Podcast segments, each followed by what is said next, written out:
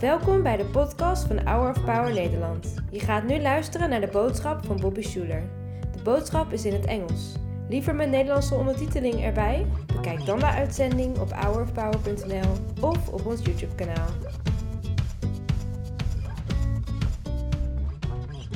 Would you stand with us? Hold your hands like this as a way of receiving from the Lord.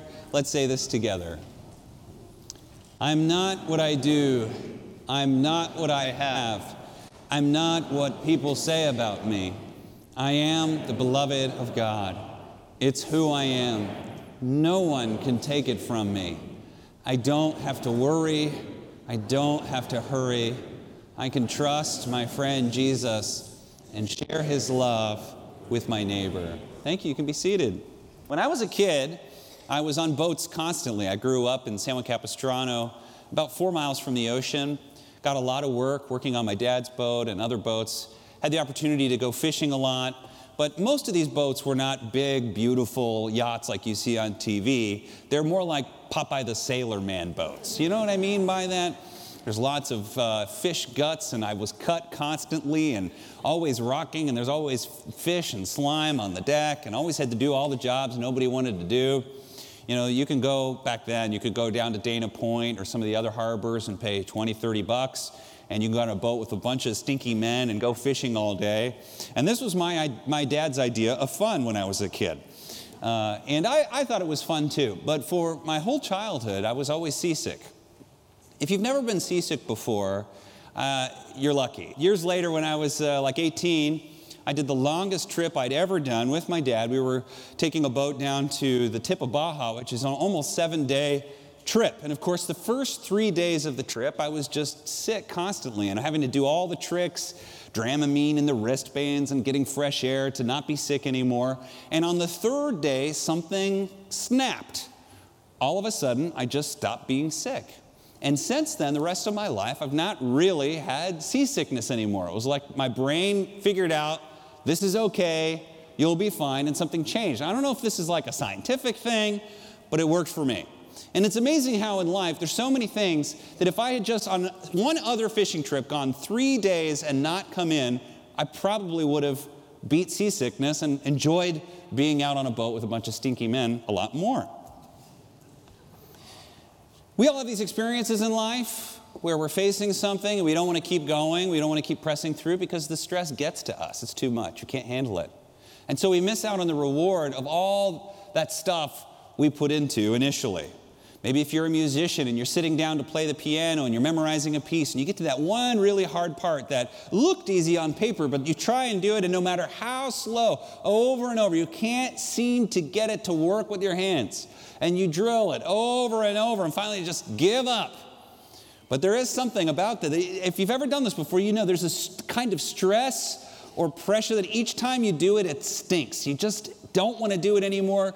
You want to check social media. You want to watch TV. You want to get up and go somewhere else. But if you just keep doing it, it gets easier, easier, faster, faster, cleaner, cleaner until it's what's the word I'm looking for?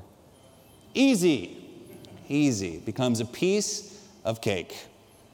And that brings me to the title of this message today, which is called The Two Types of Stress. There's actually clinical research to support what I'm saying, but I also believe it's just a scriptural idea. There's two types of stress in life. The first type is distress. That's the kind of stress that causes you to break down, crumble, give up, quit. Uh, and, and then there's a second type. It's the kind that doesn't break you, it's the kind that doesn't destroy you. That, that even though it hurts, it makes you better, and we call that eustress. Not eustress like an iPhone, but you, like EU. It's the Greek word for good or positive. It's a positive kind of stress. And the weirdest thing about the difference between distress and eustress, according to the clinical research, is how you view stress. Ironically, this is one of those things that perception creates reality. If you typically have a positive view of stress, stress will be a positive thing towards you. Eh, but if you have a negative view of stress, it will be a negative thing to you. And of course, our society's become allergic to stress, so when I say you need more stress in your life, everybody laughs, right? Everybody laughs. But maybe there's a different kind of stress that we need in our, in our life, the kind of stress that grows us, builds us, and forms us into who God wanted us to be. Paul writes in Second Corinthians, he says, But we have this treasure in jars of clay. Now, I don't love, uh, in the Greek, that translation. The literal translation is earthen vessels. And I like that better because when you say jars of clay, you picture like a really beautiful jar and very breakable, but that might not be what the Apostle Paul is getting to. He says, we're going to say earthen vessels. So something that's made of clay, like a wet, I think of it as a wet clay, and I'll show you why in a minute. To show that this all surpassing power, you know what you have inside of you? Well, it shows up when you're under stress. It's called all surpassing power. If you don't believe it, get more stress in your life. Okay, I still haven't convinced you. I'll get you. It's from God and not from us. We're hard pressed on every side, but not crushed. We're perplexed. You know what that means? Totally confused. I just don't get it. None of this makes sense. Anybody feel that way right now? How could you do this to me, God? We're perplexed, but not in despair. It means we're not giving up, we're not quitting. We're persecuted. It means people are mocking us, betraying us, lying about us, but we're not abandoned. We're struck down, but not destroyed. We always carry around in our body the death of Christ so that the li- so the, the death of Christ comes in your baptism when you believe in him. So that the life of Christ may also be what? Revealed in, in your body. For we who are alive are always being given over to death for Jesus sake. So that his life may also be revealed in our mortal body. So then, death is at work in us, but life is at work in you. What's he saying? He's saying that when we are under the kind of pressure, pain, difficulty, the kind of thing we never thought we could go through, that is when we have the most power. It's, and it's true. The time when the church is thriving the most is when it's persecuted. It's just, you just can't deny it. The heart of the church is almost always where it's the least popular to be a Christian. And this is just kind of how it is that there's something, as Taleb says, anti fragile about a Christian, that the, the best way to destroy a Christian is just make them super comfortable. And the best way to make them grow is to put them under pressure. Any David Bowie fans? That's what we need. We need a little pressure. We need something we need to push against the resistance. There is like a spirit of resistance that is against you doing what you're called to do and becoming who you're called to become. And it is up to us to choose every single day to move against that resistance with everything that's in us. Remember, when Paul is writing this, he's a Pharisee. Remember, Paul, Paul never says, I was a Pharisee. Paul says, I am a Pharisee. He's not embarrassed by that. And for him, and of course, a Pharisee in those days was somebody who had the Bible memorized. They knew the whole oral tradition. And every time they teach, they're teaching from the Old Testament. This is for sure a reference to many parts of the Old Testament. But if you're a Jew reading this, you immediately think of the creation story in Genesis and you think of Jeremiah 18. The Lord says to Jeremiah, I have something to say to you. And Jeremiah says, What is it, Lord? And the, and the Lord says, Jeremiah, go down to the potter's house. I want to show you something. So Jeremiah walks down the hill, he wanders through the village, he gets to the potter's hut, and there he sees a woman molding some clay. She's forming it and shaping it, and it's looking you know, prettier and nicer, and it's taking shape, and I don't know, maybe, maybe her son or something, a little boy, is playing with the ball, and the ball hits the thing, and it gets disfigured or messed up. It says that the clay gets marred or disfigured. And then what does the potter do? The potter goes, no big deal. Just fixes it right back up, maybe makes it a little better, maybe goes back and makes it a little taller, a little thinner, a little wider, a little bigger, puts a little design on it. And then God says to Jeremiah, He said, Can I not do this with you, Israel, as the potter does? declares the Lord. Like clay in the hand of the potter, so are you in my hand, Israel. There's really two types of clay, right? There's wet clay and there's dry clay. When we think of jars of clay, we think of dry clay. I don't think that's right. Maybe, it, maybe it's something else, but I, when I think of what we're seeing here, it's dry clay. What happens to dry clay under pressure? It breaks. What happens to dry clay when something hits it? It shatters. And many of us, our hearts, when, we're, when something doesn't go the way we want it to go, you lose a job, you know, somebody's rude to you or something horrible happens to you, we don't get loosey goosey, we get hardened. Like Pharaoh, our heart gets hardened. What happens to hardened hearts? They shatter and they break. But this analogy is the opposite it's that we want to remain wet clay. We want to remain wet clay in God's hands.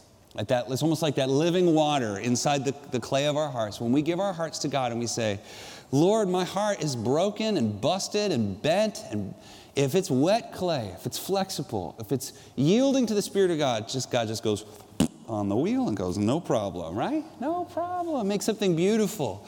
He'll make something new out of your life again. But we can't get hard hearted. We got to give our hearts to the Lord, we got to give it to Him. And we got to understand that sometimes especially when it comes to like some of the more material things or the losses in life, when things don't go our way in our job or maybe a friendship or relationship or things aren't going the way you're asking, sometimes these things are actually happening, hear me, are happening for you. We think, it's happening to me. It's not happening to you, it's happening for you. And wow, just that perspective alone and saying, God, what if this is happening for me and not to me, gives you a whole new way of seeing your life and opportunity and your purpose and even the reason for some of the challenges you're going through. It's not all the time, but sometimes that's true. And what we see is that a lot of times the stress, the anguish, the trials, when we put them in God's hands, it's like it, that's the thing that causes us to grow. You prune a tree, it looks smaller, it looks like it's about to die, but it's, it's really for the tree, it gets stronger. You prune a human life and it gets stronger. That's how we're made. And so life changes. We face all of these changes in life we didn't want to change, all of these changes that happen, but at the end of the day, God always wants us to always be changing to be more like Him. If we focus on changing our, if you change, everything in your life will change. And you say, Lord, here's my heart bent, broken, messed up, whatever. Here it is. Just change it into what you want it to be. And he says, It's going to hurt a little bit. You say, Go for it. Just go for it. Just do your thing, Lord. Let's do this together. And watch what God will bring out of it. At first, it will stink and it'll be horrible and you'll feel sick and you'll, you'll hate it. But eventually, you get to the other side of that and you'll look back and you go, Wow, God did a great thing in my life. And that's my prayer for you. I understand uh, through what I've been through, and I understand through what the scripture says, discomfort is the thing between you and who you want to become. That's it, my friend.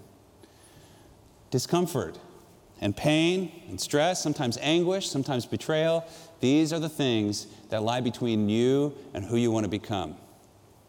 Everything will change for you if you can become that person that lies on the other side of your pain. Very often, when somebody goes through trauma, they actually grow from it. We're all familiar with this PTSD. You know what that stands for, right? Post traumatic stress disorder. It's common for soldiers and people who go through a traumatic event. I don't want to diminish it, it's a real thing, it's, uh, it's a difficult thing that people face.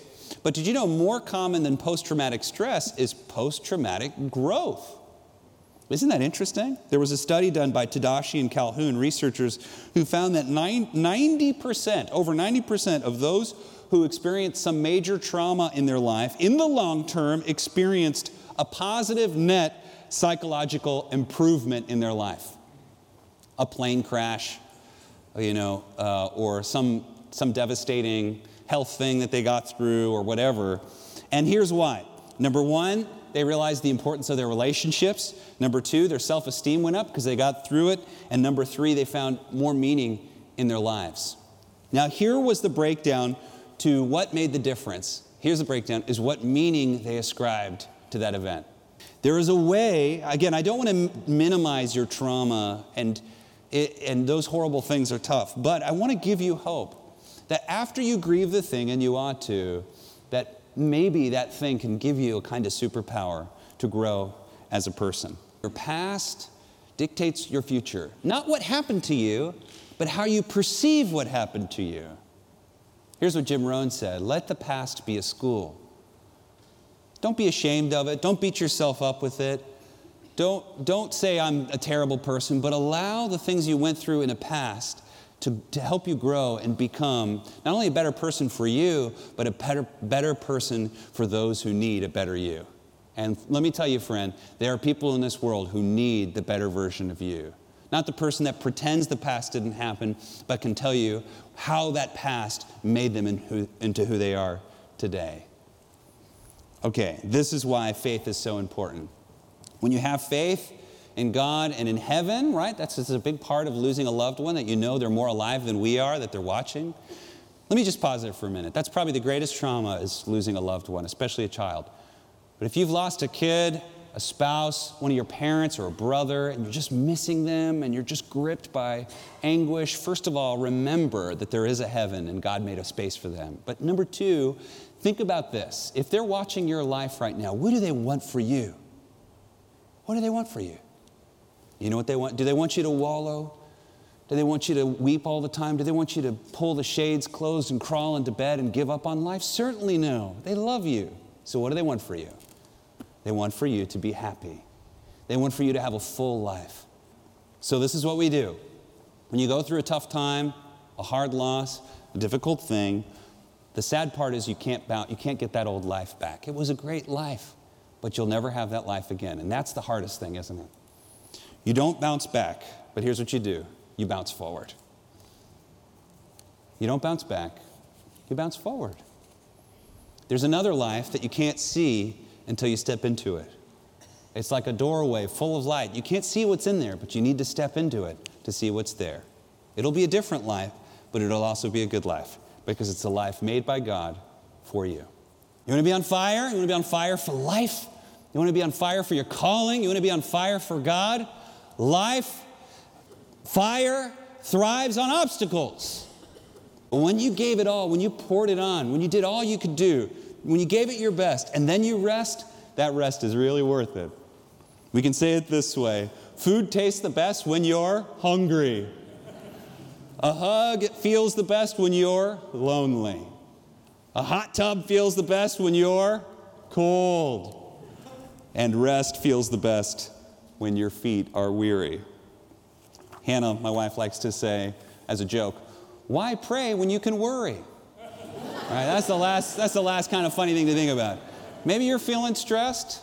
Hey, just take a second and breathe. Take a deep breath and just say, Abba, I belong to you. Abba, this is your problem too. Abba, you're with me. Abba, you've given me all I need to do this. And just watch the power that comes out of you when you don't, you don't pull back from the stress, but you lean into it with the Lord and just watch what He'll do uh, in your life. It'll change your life. So, Father, Abba God, we give our lives to you, our stress, our anguish, our fear, our betrayal, our anger, our unforgiveness, everything that we go through that makes life hard. We ask, Father, that it would form us and shape us into who you've called us to be. We love you, Lord. We thank you. And it's in Jesus' name we pray. All God's people said, Amen. Bedankt voor het luisteren naar de podcast van deze week. We hopen dat deze boodschap jou heeft bemoedigd. Wil je meer weten over Hour of Power of dagelijkse bemoedigingen ontvangen? Ga dan naar www.hourofpower.nl.